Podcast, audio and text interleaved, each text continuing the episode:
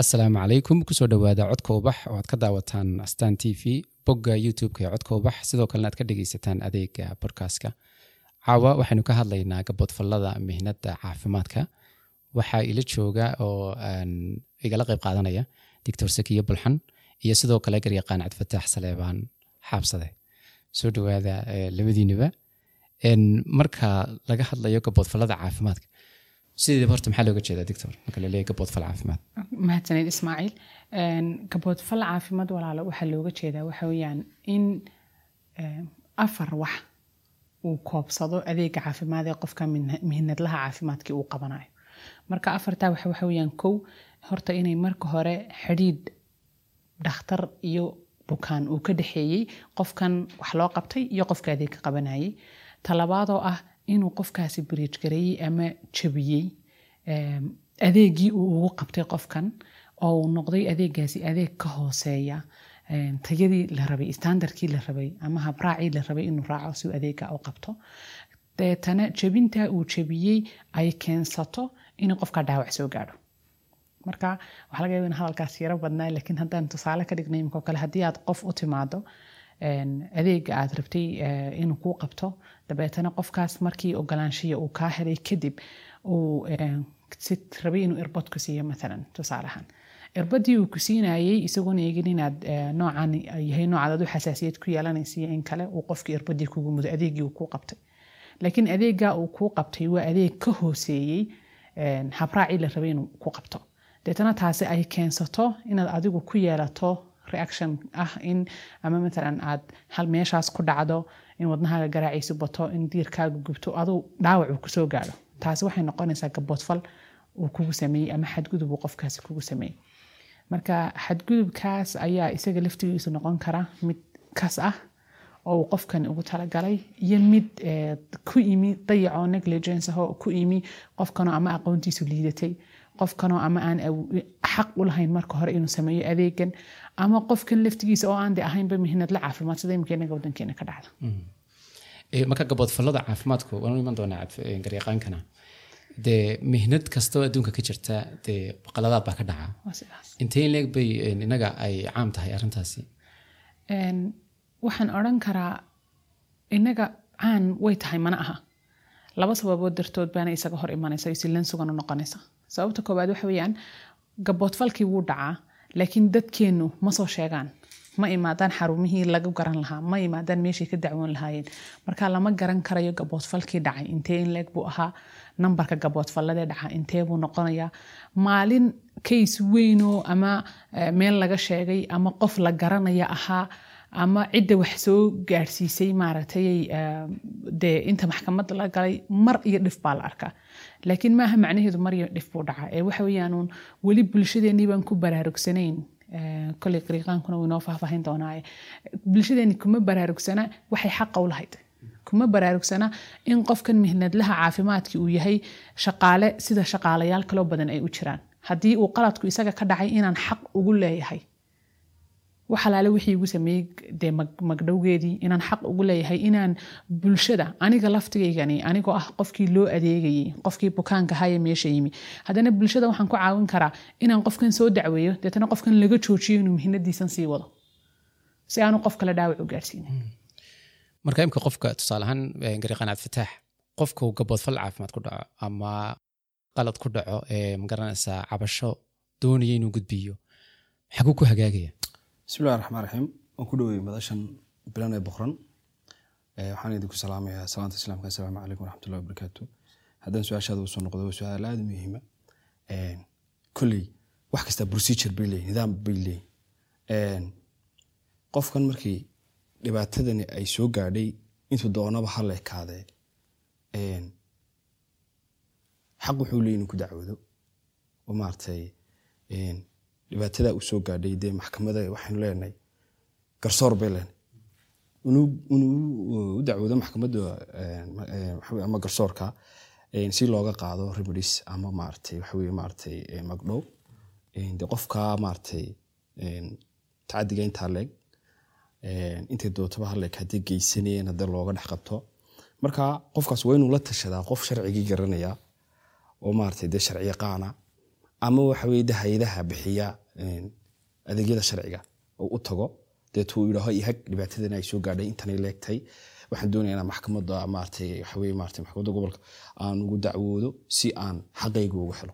Marka maxkamaddu tegaya ee, waxa weye maaragtay de isagoo weliba een, documentiskii qaliinkiisii waxyaabihii qaliinkiisa sababay iyo maaragtay ciddii maaragtay uu dhibanow yahayba markaa ma- garsoorka ku socodsiinayo si markaa tallaabo looga qaado remedies loogu helo.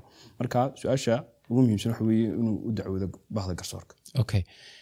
Markuu intaan u dacwoonin bahdi garsoorka waa inuu jiraa cadaymo ama waraaqada uu ka soo qaadanayo qofkii dhakhtarka ahaa laftiisii ee dee khaladkan sameeyey.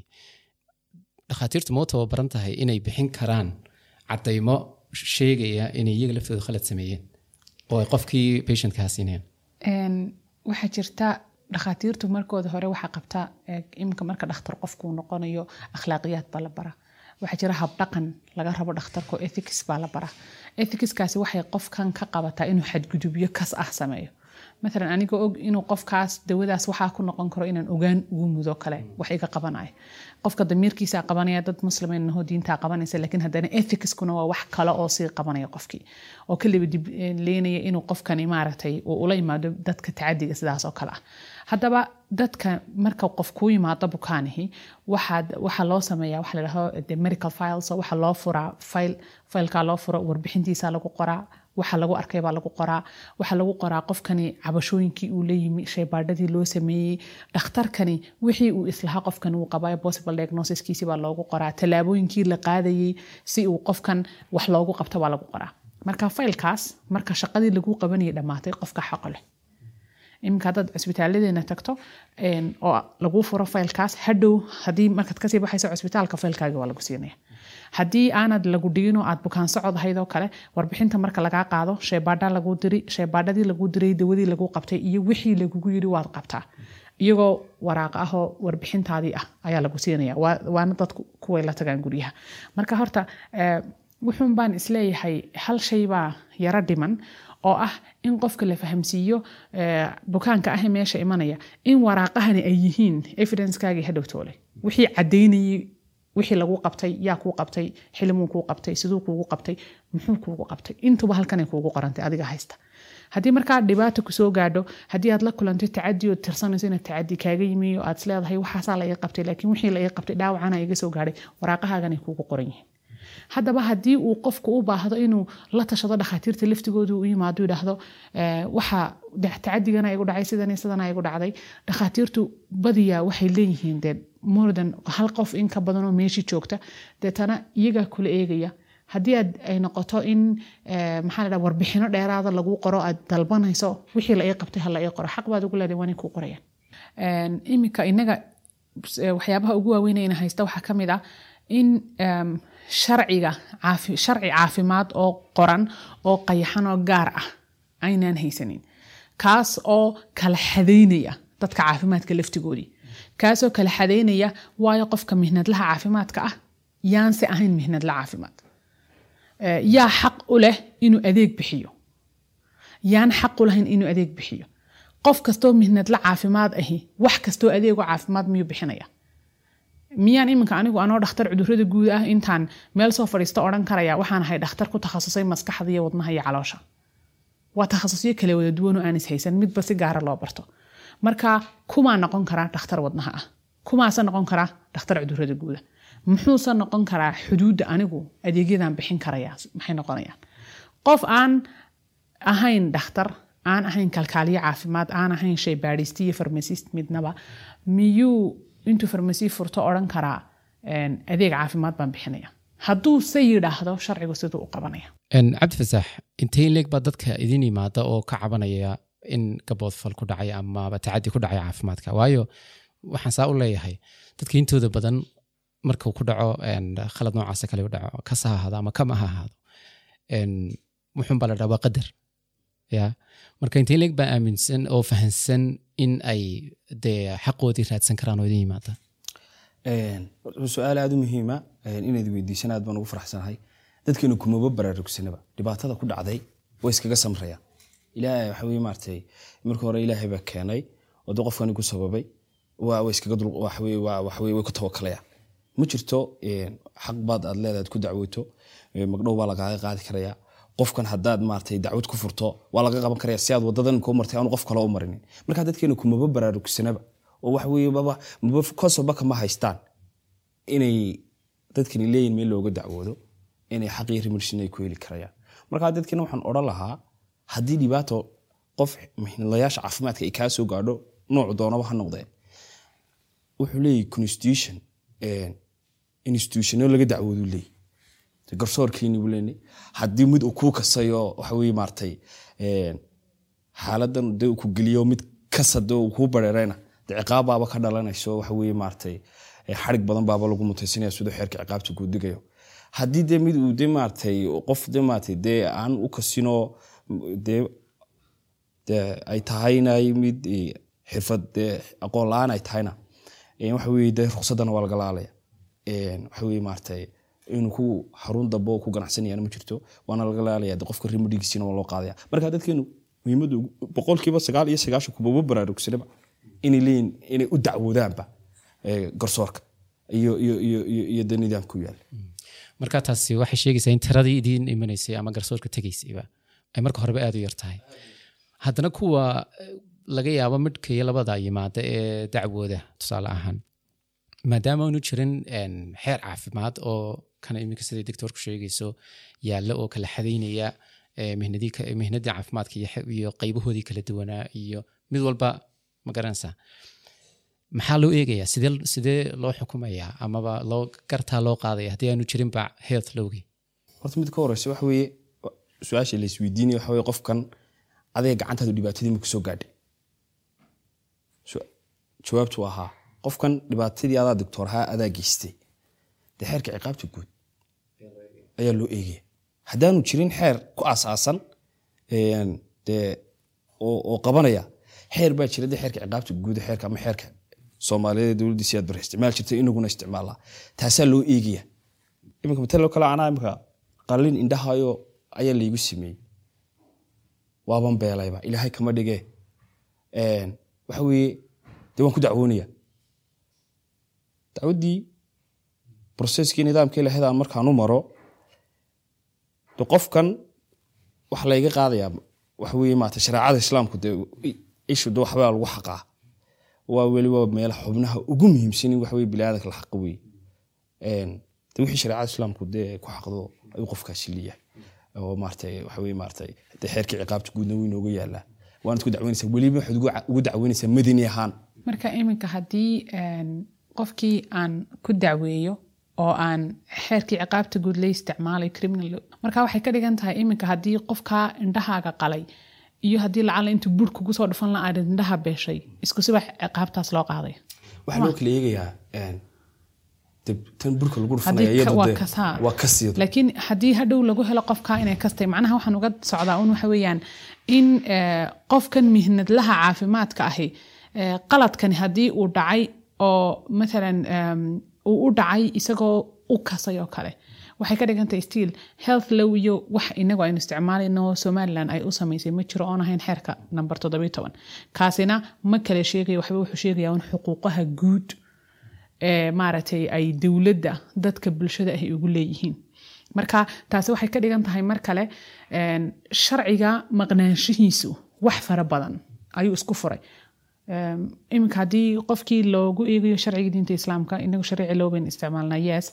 Laakiin haddana shuruuc gaarahoo maaragtay tafatiran oo la eegayo haddii waxaasi waxaasi dhacaan sidaa hala raaco waayo iminka wadamo badan oo islaama jira oo aan iyaguna dee wadamadan iminka jabuuti oo kale oo jaarkeenabaa ka mid a waxay leeyihiin si tafatiran u qoran weliba health lowskooda marka public health low baa jira waxaa jira haddii maalan sharciga la raacayo haddii qofkani uu yahay qof maxaa la dhahdaayey isaga laftigiisa hadhow toole banishment gaara loo sameynayo ama ciqaab gaara loo sameynayo maxaa lagagala noqonaya qofkan shahaadadiisii?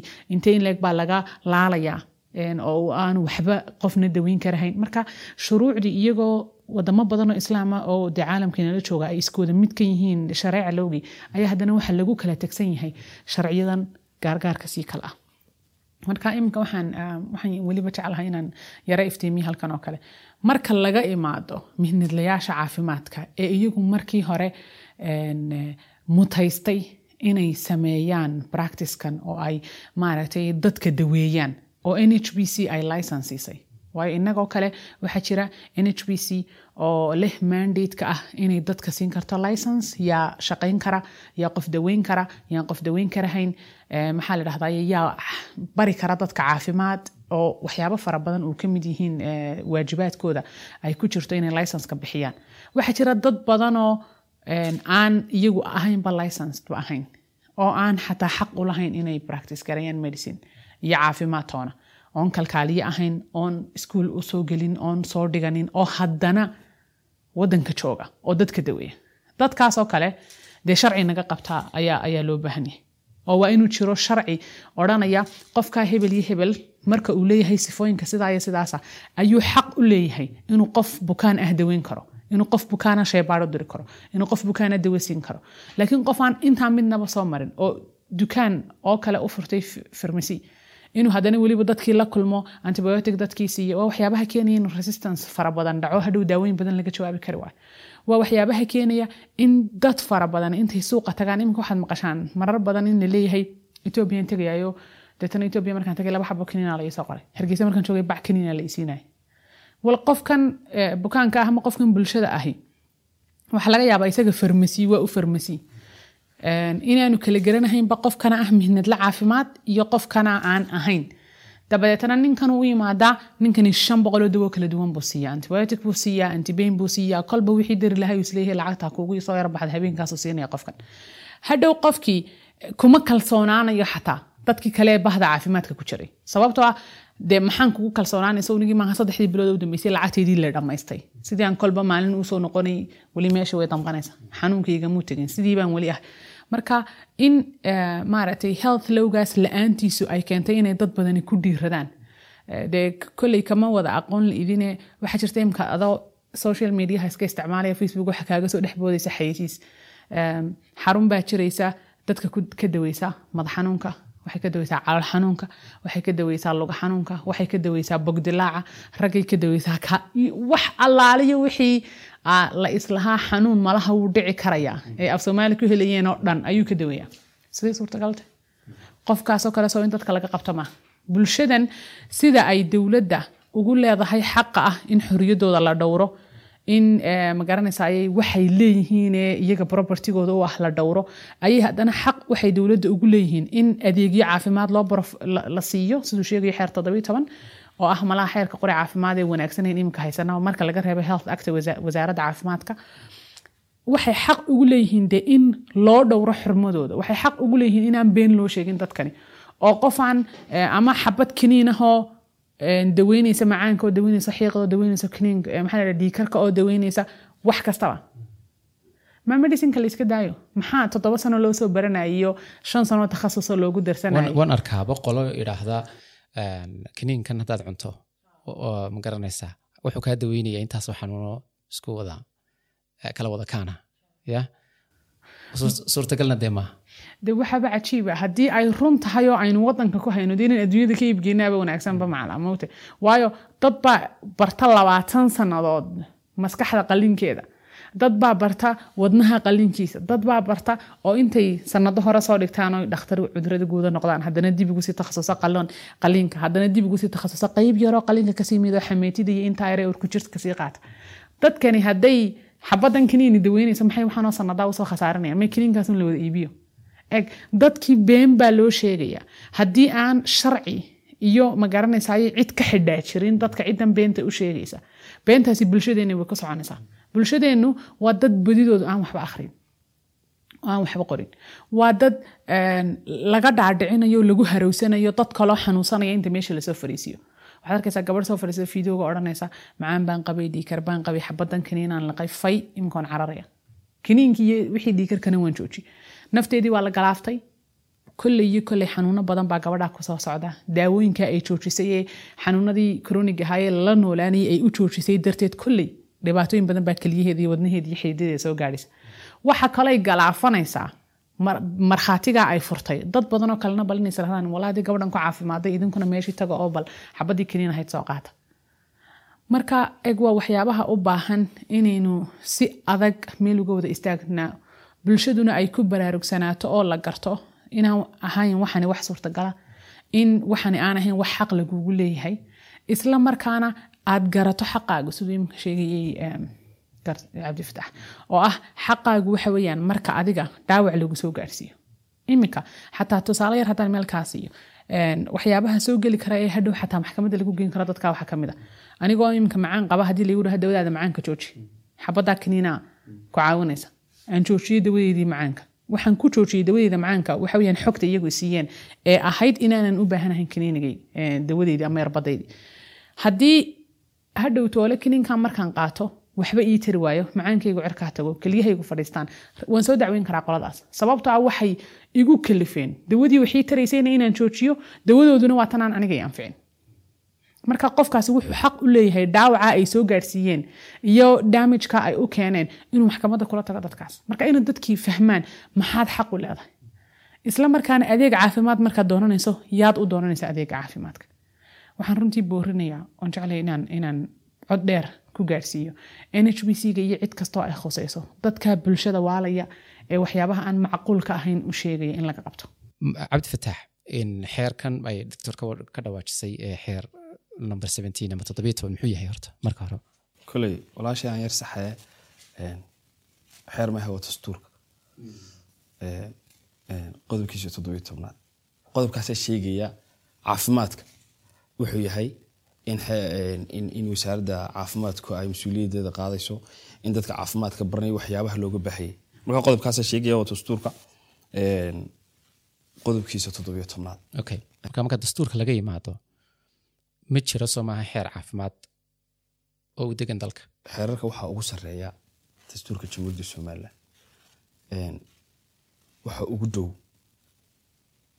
waana aad ay muhiim u tahay in la helo dee xeer dadkan qabanaya dadka mixnadlayaasha caafimaadka. Waxaa jira xeer la idhaaho xeer 19 laba kun iyo kow waa xeerka mixnadlayaasha caafimaadka. Kaasina iyagunbuu shaqadooda ka hadlaa laakiin xeer si cad u sheegaya odhanaya qofka ku tacadiya qof ama shaqadiisa oo waxa weeye dee maaragtay qofka shaqadiisa waxaase looga baahayay qofka dhibaatada u geysto isagaa mas'uuliyaddeeda qaadaya oo si cad u sheegaya bataataba ma jiro. Ama horeysiyo dambaysaba ma jiro. Marka waa waxyaabaha badan ee maaragtay een, la rabo in dabar xeerku waa dabar in la helo dabar qabtaa dadkan da caafimaadka baranaya. Toogu muhiimsan muhiimsan waxa weeye dee in iyagun in xeerun loo helo ma because of qofkan xirfadiisa waa marka hore marka dee waxaan shahaadada la siinaya ruqsad baa la bixiyaa. Ruqsadan la bixinaya waa la helaa waa in- brisbla lahaataa. Imika anugu loo yarbaanay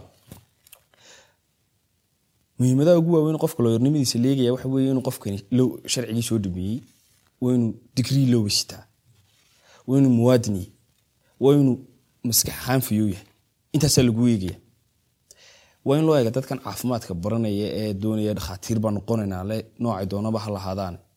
Capacity ay ku qaadaan mas'uuliyaddan aadka u ballaaran. Ma leeyihiin? Aqoonteediina ma leeyihiin? Weliba dee aad loo baaro baaro baaro baaro intaasoo soo jeedi lahaa. Marka imika doctor muddo badan baad dee ayaad ka soo shaqeynaysaa caafimaadka. In badanna arrimaha bulshadaad ka hadashaa.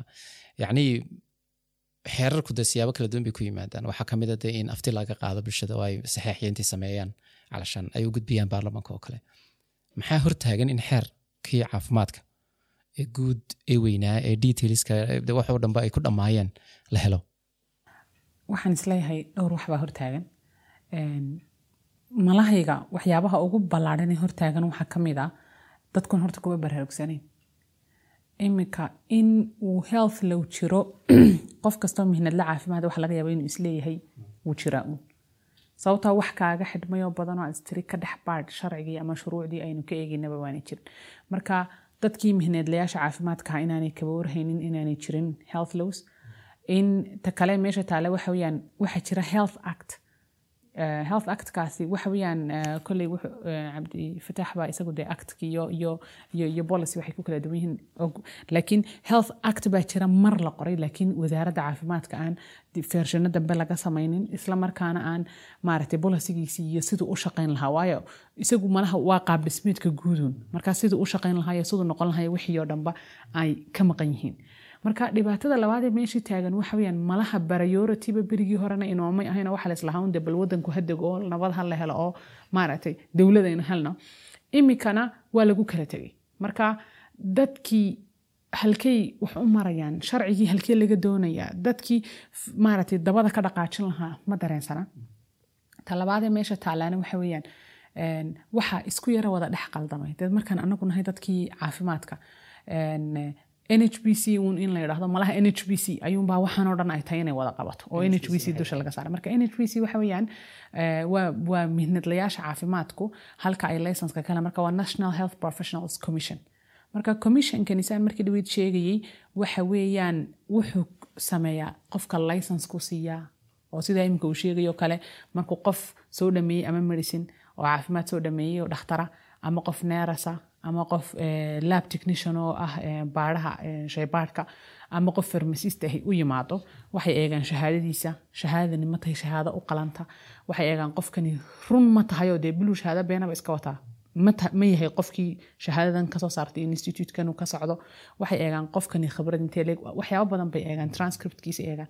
Marka markay ku qancaan guddidu ayay qofka siiyaan laysanka marka shaqooyinkooda kale waxaa ka mid a inay xataa machadyadan bixiya caafimaadka laftigooda ay qiimeeyaan oo idhahdaan machad kasta kuma qanci karno.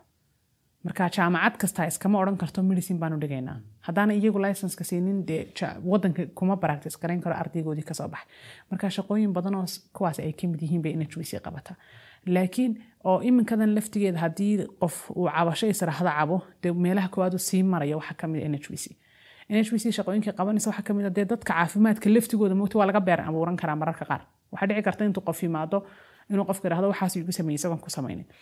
Marka sharciyadii hoosaadka ahaa sharci hoosaadyadii waxaan kala wada hegi lahaabaa maqan.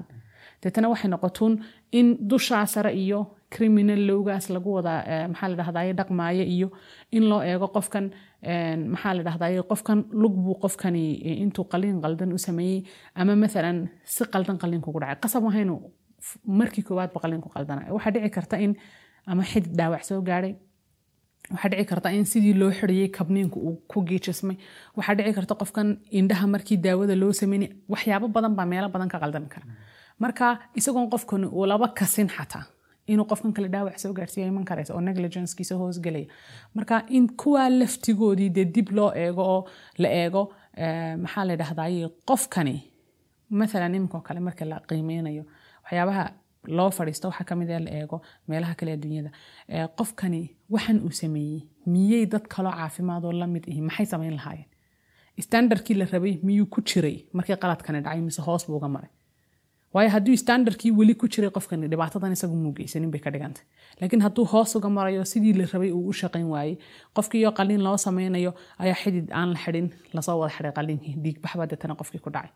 Qofkiiyo dhiigbax already uu ku dhacayo dhiigbaxayabaa inta combyuter la saaray aan la eegin meeshaasoo kale. Matalan gabadh baa timi uur bay leedahay tuumbooyinka ku dhex samaysmay makaanka gudihiisuunbay eegeen waxay ku dhahdeen uurba malihid gabadhaas.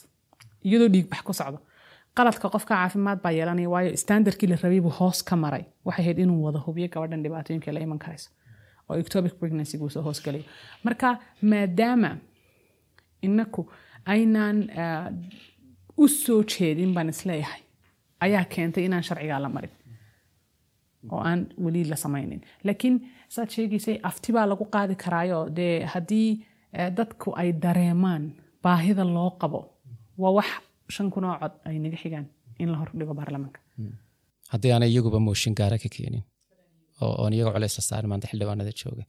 Marka waxaynu ka hadlaynaa marka caafimaadka laga hadlaya inta badan dadku de wuxun bay xooga saaraan dhakhaatiirta iyo cisbitaalada guud ee dalka iyo kuwa gaarka. Laakiin waxaa jira cilaaji waxa yidhaa baa jira iyaga laftooda. Iyaga laftooda dee xeerkaas uu qaban lahaa haddii uu jiri lahaa laakiin dee waa meherad qof leeyahay iyaga sidee loola tacaalaya? Wallaahi cilaajyadaasi weliba dhibaatooyinkay nagu hayaan waxaa ka a in dadka dawooyinka qaar dawooyinku waxa weeyaan marka hore qaar badan geedaa laga keenaa. Geedaha laga keenay waa geed la soo qiyaasay la gartay saameyntiisa maxaa side effect ama maxaa saameyn taban iyo saameyn toganba uu yeelan karaya? Deetana lagu soo tijaabiyey dad dhowr marxaladood soo maray. Markaa kadib baa la abruufgareeyo o la yidhi ha la qaato iminka inaga cilaajada waxyaabaha inagu hayaan waxaa ka mid a geedkiyo sidiisiyaa la soo qaadaya waa la tumayaa dabeetana qofkaa lagu mudayaaba geedkani wuu kaga agoogin karaa qofka markaaba waxaa lagu keenayaa dad inta lagu soo muday ay murqihii daateenoo ay meeshii salites waxyeeshayo nabara ay ku samaysayo hombaabuuqday jidhkiyo. Marka cilaajyadaa laftigoodu de waxay bixinayaan. Qur'aankii iyo sunnadii laysku daweynayay maaha imika way dhaaftay. Adeeg caafimaad bay bixinayaan yaa u siiyey xaq inay adeegan caafimaad bixiyaan. Miyay yihiin ehelkii bixin lahaa adeegan caafimaad? Cilaaj baa wuxuu ka odhanayaa waxaan haynaa dawo saddex saliidood oo la soo wada darayo waxay daweysaa wax kasta. Yaa isku soo daray. Yaa tijaabiyey dawadan. Dawadan waxay ka kooban tahay waa maxay? Dowskeeda miyaa la garanaya adeeg caafimaad bay ilin noqotee. Miyaad fasax ka soo qaadatay? License miyaad u haysataa? Adeegan caafimaad inaad bixiso. Nhbc miya license ku soo markaa halka shayee kale isna aynu u baahanay inaynu helnaa waxa weeyaan dabagal. In dadkii loo imaado la so adeeg caafimaad ma bixinaysid haa. Yaa tahay sad adeegan caafimaad u are you? Miyaad leedahay qualificationkii la rabay sad adeegan caafimaad u bixiso sheekh waato dadka qur'aankaad eh, ku daweysaa soo maaha. Waa si wanaagsan. Adeegan kalead bixinaysaa waa maxay? Marka haddaynaan helin dabagalkaas check and balancekaas dee waa sida imika inagayna haysato kale in dadka lagu soo mudo dawooyin in la dhaa babaasiirtaanu daweynaynayo deetana isfinterka dabadaba inta la xidho la soo daadiyo gebigiisa actually hargeysa toos bay uga dhacda in dadka lagu dhahdo "Ta- babaasiirtaanu kaa daweynaynaa deetana la xidho dhiigga laga xidho dabada. Deetana hadhow toole qofkii wuu dhimanaysaa intaas way soo dhacdhacaysaa. Hadhow cisbitaalka la keenaya qofkii. Marka waa waxyaabo badan oo runtii aan is leeyahay mar iyo laba in laga hadlaa xataa kuma filna waxay u baahantahay wacyigelin joogto ah in lagaga hadlo la idhaahdo dadka laftigooda. Adeega halkaa u doonanaysaan u meeldaya cid kastaba adeeg ha u doonanin. Nafta biniaadanku waa qaali. Meesha mar dhiba dhaawac kaasoo gaadha dee way ku socotaa uun haddaan ilaahay dartii aanad isagaga bogsanin. Marka waxaad u baahan tahay qofkanaad adeega ka qaadanaysa laftigiisu yuu yahay inaad garato doctor waxaan doonaya ku weydiiyo imika haddaan isdhaahdo farmasi furo maxaa laga baahan iminka haddaad doonaysa inaad farmasi furato ismaaciil ahaan ka soo qaad maanta adigoo aan xabad baagaroon oo caafimaad lahayn baad rabta inaad farmasi furato laba sidood baad samayn kartaa inaad sida saxdaa u soo marto ah inaad tagto nhbc-ga xaruntaad doonayso inaad ka furato in la qiimeeyo xaruntaada marka la eego shaqaalaha doonayso in maxaa la dhahdaa ay kaaga shaqeeyaan meesha lagu eego deetana markay idinku qancaan xaruntay siinayaan eh, nhbc-gu license. Marka cisbitaalada qaar baad ku arkaysaa waaweyn licenskaas isagoo suran oo ay ku qoran tahay certified by nhbc laakiin waxaa kalood haysataa alternative. Ah inaad dowladda hoose tagto aad soo qaadato license yar ganacsi. Marka ganacsi ahaan macnaha sidii qof dukaan furanayoo kale. Waxaad soo qaadanaysaa license yaroo ganacsi waxaa laguu diiwaangelinayaa magaca meesha doonaysa inaad u bixiso boardkaagaad samaysanaysaa dawooyinka ciddii kaa caawinaysa wixii aad soo iibsanaysaa lagaa caawinaya mafrashkaagaad soo dhiganaysa. Farmasigaagu furan fudud marka. Taasaa fudud. Haddaanan marka mas'uuliyad aanan dareemeynin bulshada inaan aanan dareemo. iska saarayn Ha. oonad islahayn aakhira waxaan Taasaan ilaahay maraya. kaaga imanaya. Marka eh, dad badan waxaad arkaysaa iminka kale wasaaradda caafimaadka laftigeedu waxay bixisaa eh, inkastoo ay licenska nhbc-ga ay bixiso iyadoo wasaaradda caafimaadka laftigeedu cashuur sanadeed bay leedahayo qofka caafimaadka dee waxaa laga rabaa inuu u tago labadaba soo cusboonaysiisto sanad kasta laakiin ma arkaysid hargeysa inta farmasiya ka furan waxaa laga yaabaa less than two percent inaad ku aragto certified by nhbc ama xataa farmasiguba yaanu certified ba noqone qofka xataa jooga inuu xagga dambe soo dhigto oo is- in isaga lafti marka eeg, xataa waxay ahaan lahayd wax haddii si aada loo implement gareeyo si aada loogu dhaqmo wax noqon kari lahaa practice wanaagsan oo dadku ay ku faanaan. In marka sidaa loo soo galaba meel dadku ay wada arki karayaan ay kuugu dhegsan tahay. In nhbc ay ku siisay license. Oo lagu cadeeyey waxay ka dhigan waxa lagaaga markhaati kacay. Inaad u qalanto adeeganaad bixinayso inaad bixisay marka bulshadeennuna inay fahanto in licensekaa yari aanu howlyaraan iskaga iman. Qofkan waa qof sanado badan jaamacad soo dhigtay waa qof khibradiisa la tijaabiyey waa qof laga hubo la leeyahay waxaanu ka markhaati kacnay inuu adeegan qofkani qaban karo. Laakiin qofku waxaa laga yaabaa inaanu intaa midnaba soo marine dowladda hoose ka soo qaata. Waa hagaag ka soo qaad mas'uuliyad baan iska saaray bulshadii waxaan soo maray commissionkii baan soo maray. Warqadii iyo shahaadadii bay siiyeen. Meel la wada arkayaan ku dhajistay waa farmasigii waan furtay farmasigii waa la iibsanaya dawooyinkii taasi ma ka markhaati kacaysaa shahaadadaasi? In dawooyinkan aan iibinayo laftoodu ay tayadoodu sax tahay? Maya. Marka xageed maraya haddana. Okay haddana waxa kuu taalaa waxa weeyaan way iska wada hor iyo daba imanaysaa moogtahay waxaa jirta dawooyinka laftigooda ayaa kala quality wanaagsan. Marka eh, haddii kala quality wanaagsan yihiinna way kala qaalisanaanayaan. Marka waxay ka dhigan waa inaad tagto daawooyinka fiican aad soo iibsato. Markaad iminka adigu meesha eh, wholesaler kaa timaado wuxuu kuusoo dhigayaa dawada sharoobada ama oxycylinka wuxuu kuusoo dhigayaa afar shan nooc oo kala duwan. Waa wadankaa wadankaa wadankaa wadankaa wadankaasoo yuruba intaasoo dolar bay noqonaysaa kan intaasay noqonaysaa kan intaasay noqonaysaa kan. Waxaa laga yaaba inuu adiga point five kugu joogo. Hadhow qofku muxuu doonayaa markaa kaa point five ka ku joogu doonaya waayo kan point five ka ku jooga markuu hadhow bulshada ka iibinayo waxay noqonaysaa qofkii loo qoray kaba soo qaad dhakhtar baa kuu jooga certifier isaguna qofkii loo qoray marka la siinayo. Qofka loo qoray laftigiisu jeebkiisu eeganaya. Marka in meelo badan wacyigelintan ay ka socotay u baahan tahay in ma aqaanina daawanaysay. Waxaa jiray barnaamijyo xataa si toos ay ay, eh, uga qayb galeen maxaa dad xilal waaweyn ka haya wasaaradda caafimaadka oo kale. Oo intay yimaadeen dadkii keenaya dawooyinka ay lahaayeenba ma keenayno dawo quality sababtaa dadkaagu ma goyn karaan maalintan xalqada daawaday oo kale runtii aniga calxanuun gaara iigu sii ahayd. Sababtoo ah waxay ka dhigantay waa qof ka markhaati kacaya in dawada uu inoo keenaya ay tahay dawo aan markeeda horeba macna ku fadhiyin oon dadkan si fiican u daweyn doonin. Marka taasna dee waxaynu bahanay quality controlkeena in laga shaqeeyo. Si dawada wadanka soo gelaysa ee qofkan la siinaya ay u noqoto dawo qofka marka la sii wax u taraysa. Tusaale ahaan waxaa jira oo kale dawooyinka madaxa oo kale haddaad islaamika iibiso Een, midhmidh baa loo iibiyaa xataa. Qiimahooda markaad eegto yacni waxa weeyaan konkon shilin iyo wax noocaas. Ya qiimaha saxda ama huba laakiin kumanaan shilin oo yar dee yacni markaad eegto kiniin madaxood iibsanayso oo nus dollar ka yar oo ma garanaysaa kumanaan shilina. Waxaad og tahay in dawadana qof ganacsadi uu keenay faa'iidana u saaran tahay la soo raray qiimo ay ku joogtay halkaa.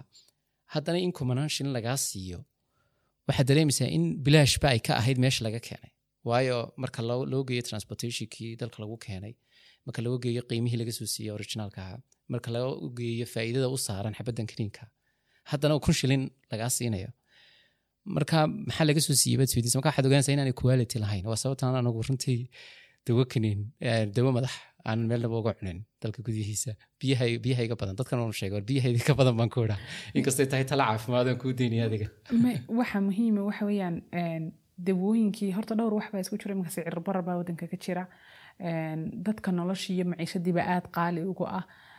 Dadkii dabadeetana waxa meesha yaalla qofkani waxa suurtagala dawada qualityga le marka loo sheego hadhow qofka farmasiiga uu sheegaya wuxuu leeyahay waxaan hayaa dawo faransiisa waxaa kaloo dawo masar hindiya tanna waa laba saddex dollar tanna waxa weeyaan saddex kun oo shil ama afar kun oo shil ama toban kun oo shil whatever qofku markaa wuxuu ku qasban yahay jeebkiisu ta uu goynayo inuu qaato laakiin dee dowladdeenu waa inay kala haato qorsho oo waa inuu jiro qorsho aynu ama dadkan lagu caawinayo say u goyn karaan daawooyinkan ama haddii aan laga caawin karin si ay dawooyinkan laftigooda u gooyaan at least dawooyinka loo keenaya u noqon karaan dawo tayadooda wada wanaagsan tahay dhibaatada jirtaa waxa weeyaan nidaamkeena caafimaad meelo badan buu gandololooyinka leey haddaad istiraahdo malaha meeshana yara fayo oo la yara farfadho. Waxaad arkaysa haddana in meesha laftigeedu ay hoosta milil badan ku leedahay. Ee, maxaa la dhahdaa deetana ma garan karaysid halkee bay tahay tolow in laga bilaabo bal si systemkan uu isu saxo. Laakiin anigu waxaan aaminsanahay haddii aynu helno shuruuc kala xadaynaysa adeegyadan caafimaadkee la bixinayo. Yaa bixinaya sidee loo bixinaya qofkeebaa bixinaya? Qofkeebaa dawo inoo keenaya? Dawo nooceeyabaa lainoo keenaya? Waxyaabahaasoo dhan marka laga hadlo ayay wax badan isi saxmayaan waxay ka iman karaysa in dadkii ciqaab la ciqaabi karo la odhan karo waxaad keentay dawo aan lahayn oo sidaa iyo sidaas. Maadaama aad waxaa waxaa samaysayna xaq dib dambe dawo u keento. Dadka baqdin baa geli lahayd. Iminka dadkan xataa haddii ay dhaawac qof soo gaarsiiyaan oo qofkaasi ama kuba dhintaba ama dhaawac kaleba soo gaadhaba ehelkiisa oo dhan baa la bixinaya.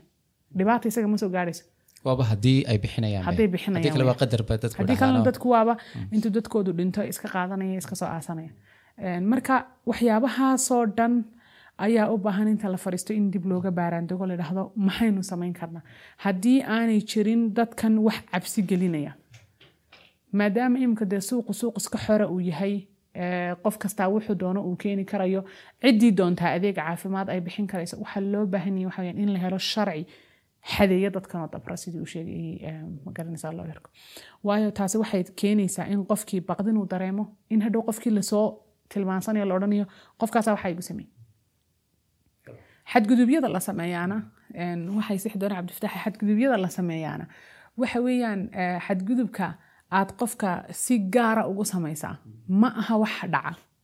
Macnaha ma aha wax deadline laad odhan karayso labaatan sano ka hor bay ahayd ama shan sano ka hor bay ahayd imka maxaad iga rabtaa oo kale. Wan xilligii aan fursad ku helaan kula heli karaa waxaan mar labaad bulshada u sheegayaa in qofka dhibaato ku soo gaarsiiya aad ka qaadan karto xaqaaga marka cabdifataax uu qofkii tusaale ahaan ama dawo khaldan qaatay oo dacwad qaba amaba een, dayac caafimaad oo kale ku yimid kas iyo iyo kama labadaba halkee bay tahay inuu maro bulsho badan bayna daawanaysaa in badan bayna dhegeysanaysaa fariin noocee baad bulshada u diri lahayd? Horta mid doctooradana mid baan yar waxaan inuu yar iftiimiyo. Tacadigu horta mandate male wax kastoo tacadi haddaad tacadi maqasho. Qofkaas intuu nool yahay dhibanaha iyo iyo dhibgeystuhuba uu ku dacwoon karaya mandate male sida uu dhigayo qodobkiisa afar labaatan dastuurka dadkiina waxaan u sheegi lahaa markay doonayaan in dhibaata ka soo gaadhay in operation lagu sameeyey ay dhibaato ku keentay. Inaanu horta markiiba iska dacwoonine ee, waxa weeye uu hubiyo dhibaatadan soo gaadhay maqaliinka lagu sameeyey baa keenay. Mise waxa weeye ee, dee waxyaabo kale oo isaga xanuuno kale hore u hayay ayaa koosgareeyay Ee, marka qofkaas wuxuu tegayaa inuu baadhis labaad uu galo.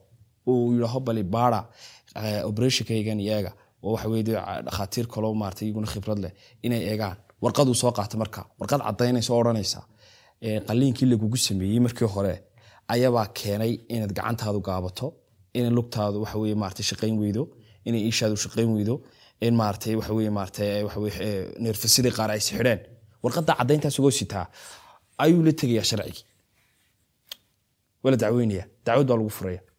Dabeeto laba mid bay noqonaysaayo in qofkan ay ay ay keentay aqoon la'aan oo aanu aqoonba u lahayn qaliinkan uu sameeyey ama dawadu qofkan siiyey khibradba uma laba markaasoo kale waa bareer wax weye waana lagu ciqaabaya um, xirfadda caafimaadna muddaa laga hakinaya wax weye maartay waa laga joojinaya ilaa amar dambe. Talabaadna waxa weye qofkii eh, waxa weye maartay wuxuu dhacay si aan maartay ku talagalahayn qofku aqoon buu leeyey laakiin si aan ku talagalahayn ayuubuu u dhacayo waa- waa- waanu u kasin iyadana waxa lagu furaya waxa weye xaquuq remedies baa qofka looga qaadaya. Maartay gudi guddi khubraana waa la baaraya oo qofkan soo baara inuu xanuunkani koosgareeyey dee madani ahaanna waxa weye maartay waa loogu dacweynaya qofkiina de wuxuu leeyahay remedies. Waxaan dadka u sheegaya inay dadku xaalad dadkan dhakhaatiirta ee maartay ee gargaar idii fidinaya. Haddii operationka lagugu sameeyey ay meeshaasi keento in maartay dhibaata kaa soo gaadho halka kuugu dhow ee maartay la talin sharciga ka heli karayso hore u gaadh kuna dacwow xaqaagana waad ku helaysaa insha allah yacni qofka tusaalehaan ka soo qaad qof dee cabasho noocaasa wada oo danyara tusaale ahaan ayaa u yimid garsoorka. Wuxuu doonaya inuu magaranaysa arrintaas dee magtiisii la siiyo tusaale ahaan culays labaad miyaanay ku noqonaynin processkan uu marayo iyo lacagaha kala duwana laga qaadanayo ee magaranaysa garsoorku haddii ay jiraan kuwii looyarka uu siinayay kuwii laga yaaba dad badan inay hawshaa darteed ay is idhaahdaanba idinka fududeen koo ilaahay ku hadhaa maxaa jira ee taakulooyin ma jiraan? U diyaara markay noqoto dhanka garsoorka. Qofka noocaasee danyarta. De horta garsoorku waxa maartay garsoorku de waxa waa maxkamadiyo cid kastoo maartay dhibanaaba iyagu waxa weye xaqooda u raadiyaan oo xaqooda u dhiciyaan labada qofna way gar qaadaan sidoo kale waxaa jira adeeg sharci la'aan sharciyo adeeg maartay sharci oo lacag la'aan oo maaragtay oo waxa weye qofka si mutadawacnimo ah baa waxa weye waxa weye maaragtay loo hagaya waxa weye loogu shaqaynaya iminka matalan oo kale qof xaalad caafimaad la soo daristoy waxa weye dhibanaayo tacdiye ku soo dhacay baaba noo yimiba wuxuu yimi xarunta soola ee ururka qareenadu yimi. Laba qareen ama saddex qareen baa la raacinaya ama hal qareen baa la raacinaya waxa la leeyahy shaqada waajibaadka gudo qofkan qofkan mas'uuliyaddiisa almuhim waxaa qaaday looyarka loo xilsaaray isagaana xaqiisa u soo dhicinaya isagaana dacweynaya meel kastay la martana looyarkaasi wuxuu uu- maaragtay dee qofka si mutadacunima buu ugu shaqaynaya de dadka lacagta haysta ee waxa weye awoodi karaya awoodu lahna de way iska bixinayaan khidmadda yare ku waajibtay maya waa fariin aad u qiimo badan runtii in qofku xataa isagoo aan awood dhaqaalo lahayn ee tirsanaya inay dhaawacay soo gaadheen inuu helayo adeeg mutadawacnimo oo sugaya. Laakiin bulshadii maadaama inay aqoon badan u lahayn ay iska fadhiisanayaan gurigii odhanayaan ilaah baa qadaray inaan sidan noqdo.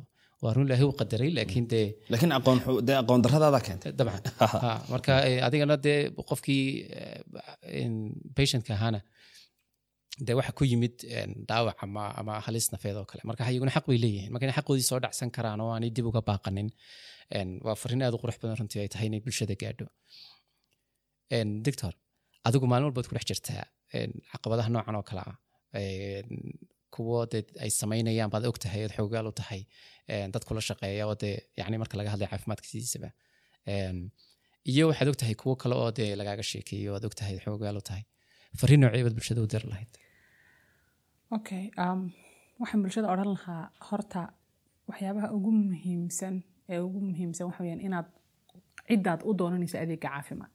Aad ka fiirsato in aanad cid kastaba adeega caafimaad ka, naawilin oonad is odhan halkanaa kuu dhowey halkan adeeg caafimaad baad ka helaysaa saas inaad at least garato qofkanaad u tegaysaa ma yahay qofkii u qalmayay inaad adeegan ka hesho taasi waa ta koobaad ta waxa weeyaan in haddii dhaawac qofkii soo gaadho amaba qasab maaha un inay qalliin uun kaasoo gaadhay dawadii lagu siiyey bay kaasoo gaari kartaa oo aan ama dawaad allergy ku ah ama si kale ah ee, adigoo dhalayiibaa dhaawac ku soo gaari karaa isu furan kugu dhici karaa. Waxyaabo badan baa dhici kara oo maaragtay ee, iman kara xilli adeeg caafimaad laguu qabanayo. Marka in aad isku daydo inaad ra'yi labaad hesho dhaawacan ku soo gaadhay siduu kuu soo gaadhay inaanad luminin waraaqahaaga wax lagugu qabtay warbixintaada ku qorantay. Marka dawadii laguu qoray warbixintii lagaa qoray shaybaadhkii laguu sameeyey wixii lagugu yidhi waad qabtaa inaad intaba ku gacan adeegto inaad riboortyadiina meel dhigataan ayn aada ugula talin lahaa ta u dambaysana waxa weeyaan in marka aad timaado hadhow toole haddiiba lacalla ay dhacdo dhaawac ku soo gaadhay maxkamadaad timaado inaan hadhow odayaal iyo cid maaragtay hadhow meelaha ka soo baxda oo adiga noqoto inay xaqaagii ku iska aamus cidanaynu faamlinahay waxaasoo kale inaanay dadku aada u dhagaysanin si haddii halkaa adiga dhibaatadu kaa gaadhay aanu qof danba u mari karin oo ama qofkan looga fadhiisiye inuu shaqadan qabto ama qofkan dadka loogaba xidho. Hadduu qofkani ahaaba ka waran waxaan aada ugu yara adkeynaya carabka weliba. Dad badanoo waxa jira aan ahayn dadkii ehelka u ahaa inay adeegyadan bixiyaan. Oo aan ahayn neeras ahayn oo aan dhakhtar ahayn oo aan laboratorist ahayn oo aan farmasist ahayn oo aan waxaan sooba baranba. Waxaan ganacsi uu yahay. Ama um, cilaaj lahaa markoodii hore oo saliidaha isku dari jiray. Marka inta dad sidaasa u tagto hadhow toole maxaa la dhahdaay oo aan u qalmin inay adeeg kuu qabtaan. Deetana hadhow yaanay noqonin inaad dadkii ku sii daawato waxa ka- aan doonaya inaan fariin u diro wasaaradda caafimaadka iyo nhbc-ga dadka ha laga qabto dadka dhibaatooyinka u geysanaya. Ee kiniinkooda uu wax kasta daweynayo. Amaba intay dibadda inooga yimaadaan ee, hal shaksi arkaysa inaanu konton jirba gaadhin lagu leeyahay wuxuu daweynayaa labaatan cudur oo kala duwan kala duwan. Deedna bulshadii u tegayso waayo. Welibana bulshadeena waxay aada u jecel yihiin dadka cad in loo tago. Marka imika waxa laga yaabaa waxay noo imanayeen nin halkaa halkaa wadankaa ka imanaya wuxuu daweeyaa. Waxaan xataa maarata isbishaalatiyada qaar isqaadan kara. Maala imika kale waxa uurku jirta ku dhex jira. Haddii layna dhahdo dakhtar internal medicine weeyaano waxaasuu daweynaya. Waa wax macquulahoo dadkii kale de xataa bahda caafimaadka ay yara qaadan karaan. Laakiin qof eh, uurku jirta daweynaya neerfaha daweynaya lugaha daweynaya oo dhakhtar lafood haddana xisaabsan oo dabiibil kulli oo wax kastaba isagu daweynaya marka maxaa jira dadkeenan intaa yara diirka cad bay eegayaanoo way u imanayaan? Waa qof intuu soo eegay xanuunada dalka ka jira deedna intuu soo liis gareeyey Inuu u yimid. sheeg- kasabna Ha, ka haysta ha kasabna ka haysta deedna Aad loo iyo- intanaan daweynaya waa intii ku dhacaysay bulshada ba moogta inta buu daweynaya subxaan allah khayriyada horteeda waxaan marayay habeen hore. Waxaa taagnaa taxi yar samaacad baa ku rakibnayd inta aan hormarayay damal markaan soo yaro dhaafay halka yare goolada iyo ilaa intaan khayriyada dhaafayay dhismaheeda cusub aan soo yaro gaari la leexanayo intaa cuduruu tirinayay taxigaa yare aan ag wuxuu ka hadlayay markaa cilaaj waxaasoo dhan wada daweyn doono. Eeg markaa dhibaatada bulshadeena ma kaga socota un meel quran. Meelo faraweyn bay kaga wada soconaysaa. Marka in laga warhayo taa laftigeeda oo xukuumadda iyo wasaaradda caafimaadku ay xilgaara iska saaraan. Golaha baarlamaanka ama wakiiladana? Waxaan eh, iyaga laftigooda leeyahay en, inay baasgareeyaan waxyaabaha bulshada taabanaya oo ugu horeeyo health lowgaas in la helo sharci caafimaad. In la helo sharcigii caafimaadoo weliba dadkii aqoon-yahanka u ahaa ay intay u fadhiisteen la lafaguray oo hadhowtoole aan gandaloolooyin ka soo bixin waayo hadhowtoole loopholeski ma garanaysaa sharcigu inaanu ka soo dhex bixbixin ay noqoto wax si fiican looga baaraandego ay bulshadii soo dooratay meel walba way ku xaniban yihiin ay ugu hiiliyaan intaa u qabtaan. Idinka laftiina ururada caafimaad baad leedihiin. Miyaan ahayn idinka laftiinu in intaad is aad maanta laga yaaba inay dad badan waxay u arkaan in golaha wakiilada maanta jooga ay ka fududahay in lala xidhiidho marka loo eego kuwii ka horreeyey in idinka laftiinu aad tallaabada hore u qaadaan oo ilan dadkani waa dad wakiil ah oo bulshada meesha u fadhiyo matalaya in idinka laftiinu aad ku baraarujisaan aad u gudbisaan eh, fariimaha noocan oo kale ah. Eh, way tahay. Waana me- meelaha aan is leeyahay em, ururada caafimaadka laftigooda waxay u baahan yihiin inay ka yihiin ay wax ka qabtaan. Marka imika waxaa jira somaliland medical association waxaa jira somaliland nursing and medical midwifery association waxaa jira somaliland pharmacist association. Marka associationno badanoo waxaa jira oo ah bahaha caafimaadka ku kala abtirsada.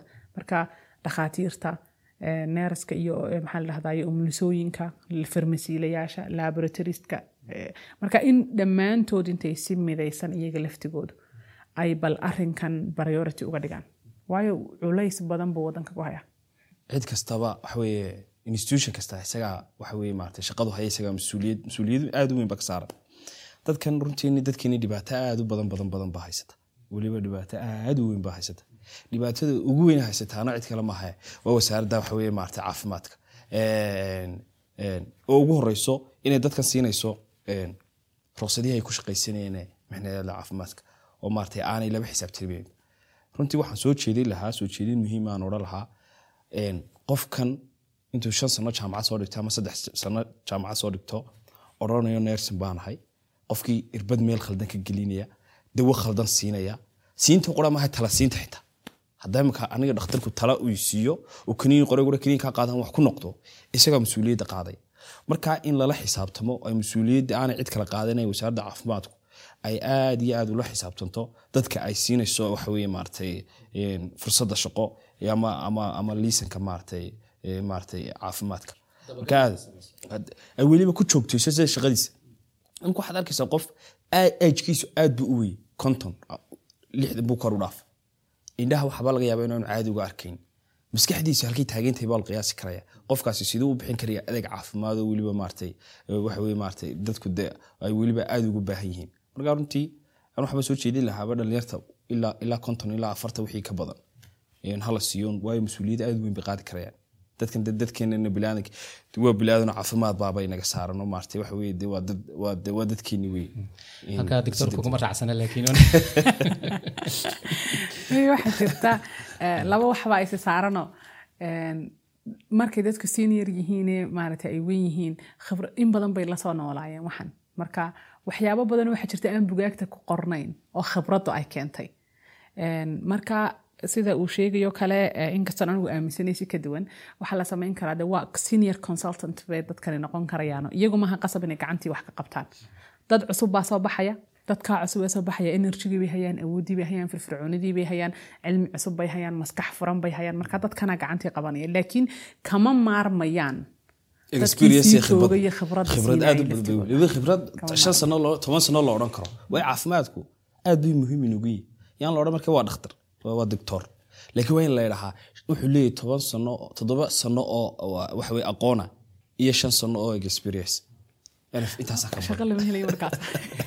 Caafimaadkiina shaquu noqday. Marka ummaddii baa ku halaagmaysa meesha. Maya iminka marka qofku toddoba sano wax dhiganayo toddobadan sano ma wada dhigto uun. Sanado la carbinaya ku jirta.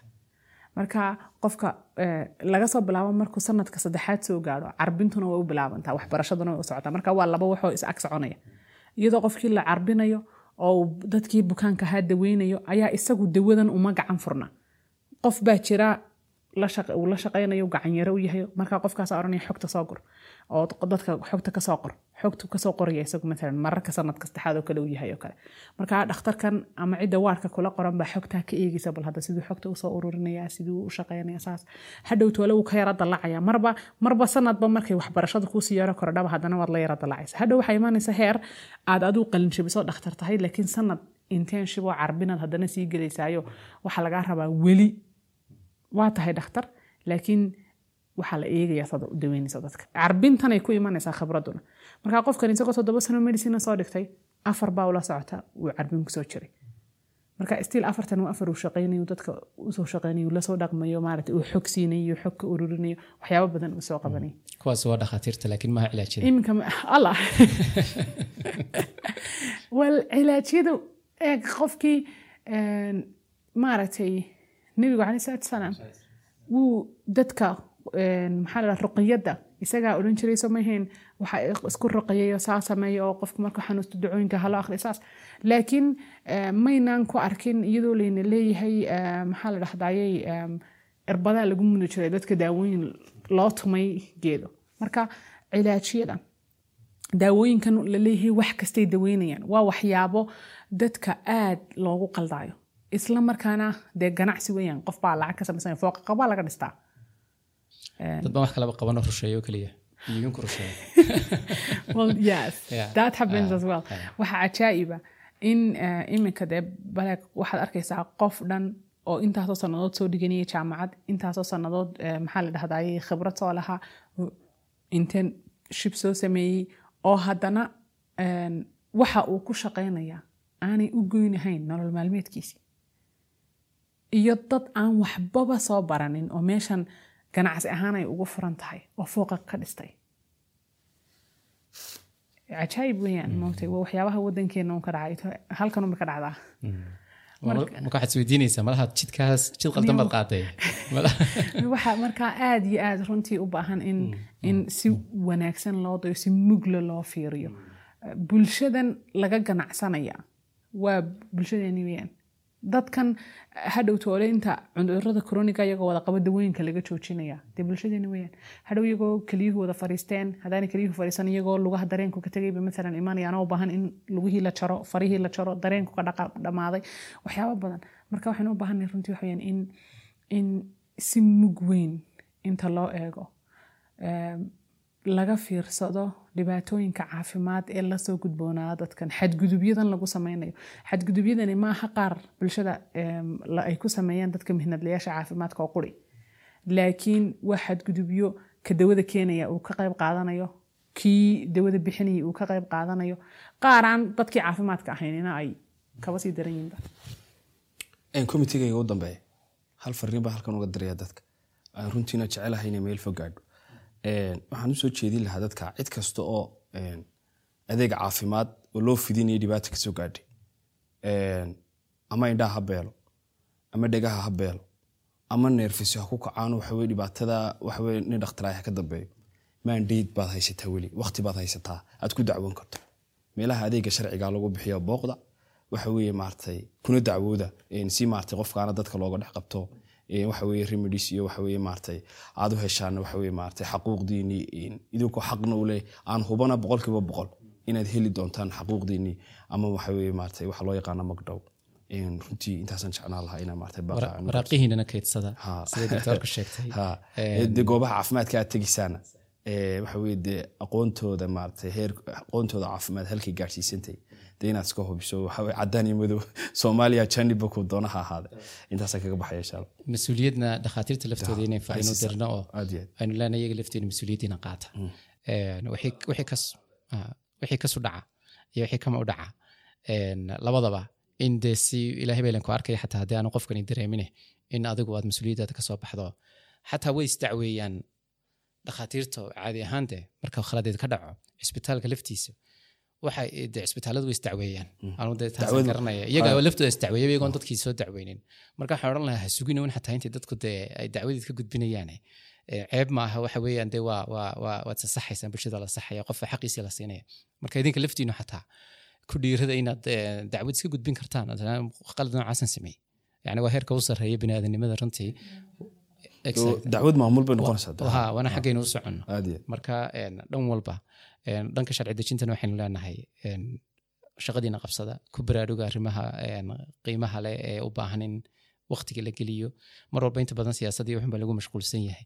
Inkastoo iyada lafteedu tahay tii bulshada ku dhisnayd haddana siyaasadii caafimaadka meesha ka maqan siyaasadii waxa ka maqan eh, yacni waxyaaba badan tii deegaanka lagu hagayay bulshada. Marka iyagana waxaan leenahay shaqadiina qabsada. Bulshadana waxaan leenahay adeeg adeeg garsoor oo de qofkii aan awoodin si mutadawacnimo xataa loogu shaqaynayo ayaa jira qolooyinka dawooyinka keenayana iyagana waxaan leenahay dee ummadiina u tura dad baa siinaysaan wax aan sax ahayn dhirta samaynayana de waxa weye waxaas ku dardaraysaan aqoonteedii maba ha. hadda cidina de waxa weeye baaris caafimaad laguma sameyn. Iyaguna laftirkooda inay ka ka daaya aad ba u mahadsan tihiin doctor sakiya bulxan iyo eh, garyaqaan cabdifataax saleebaan em, xaabsade barnaamij aad u qiimo badan baan bulshada aan rajeynaya inay uu noqdo Eh, waqtigiina aad baan idinka mahadnaqaya aad iyo aad ba u mahadsan tihiin wasalaamu calaykum waraxmat ullaahi wabarakaatu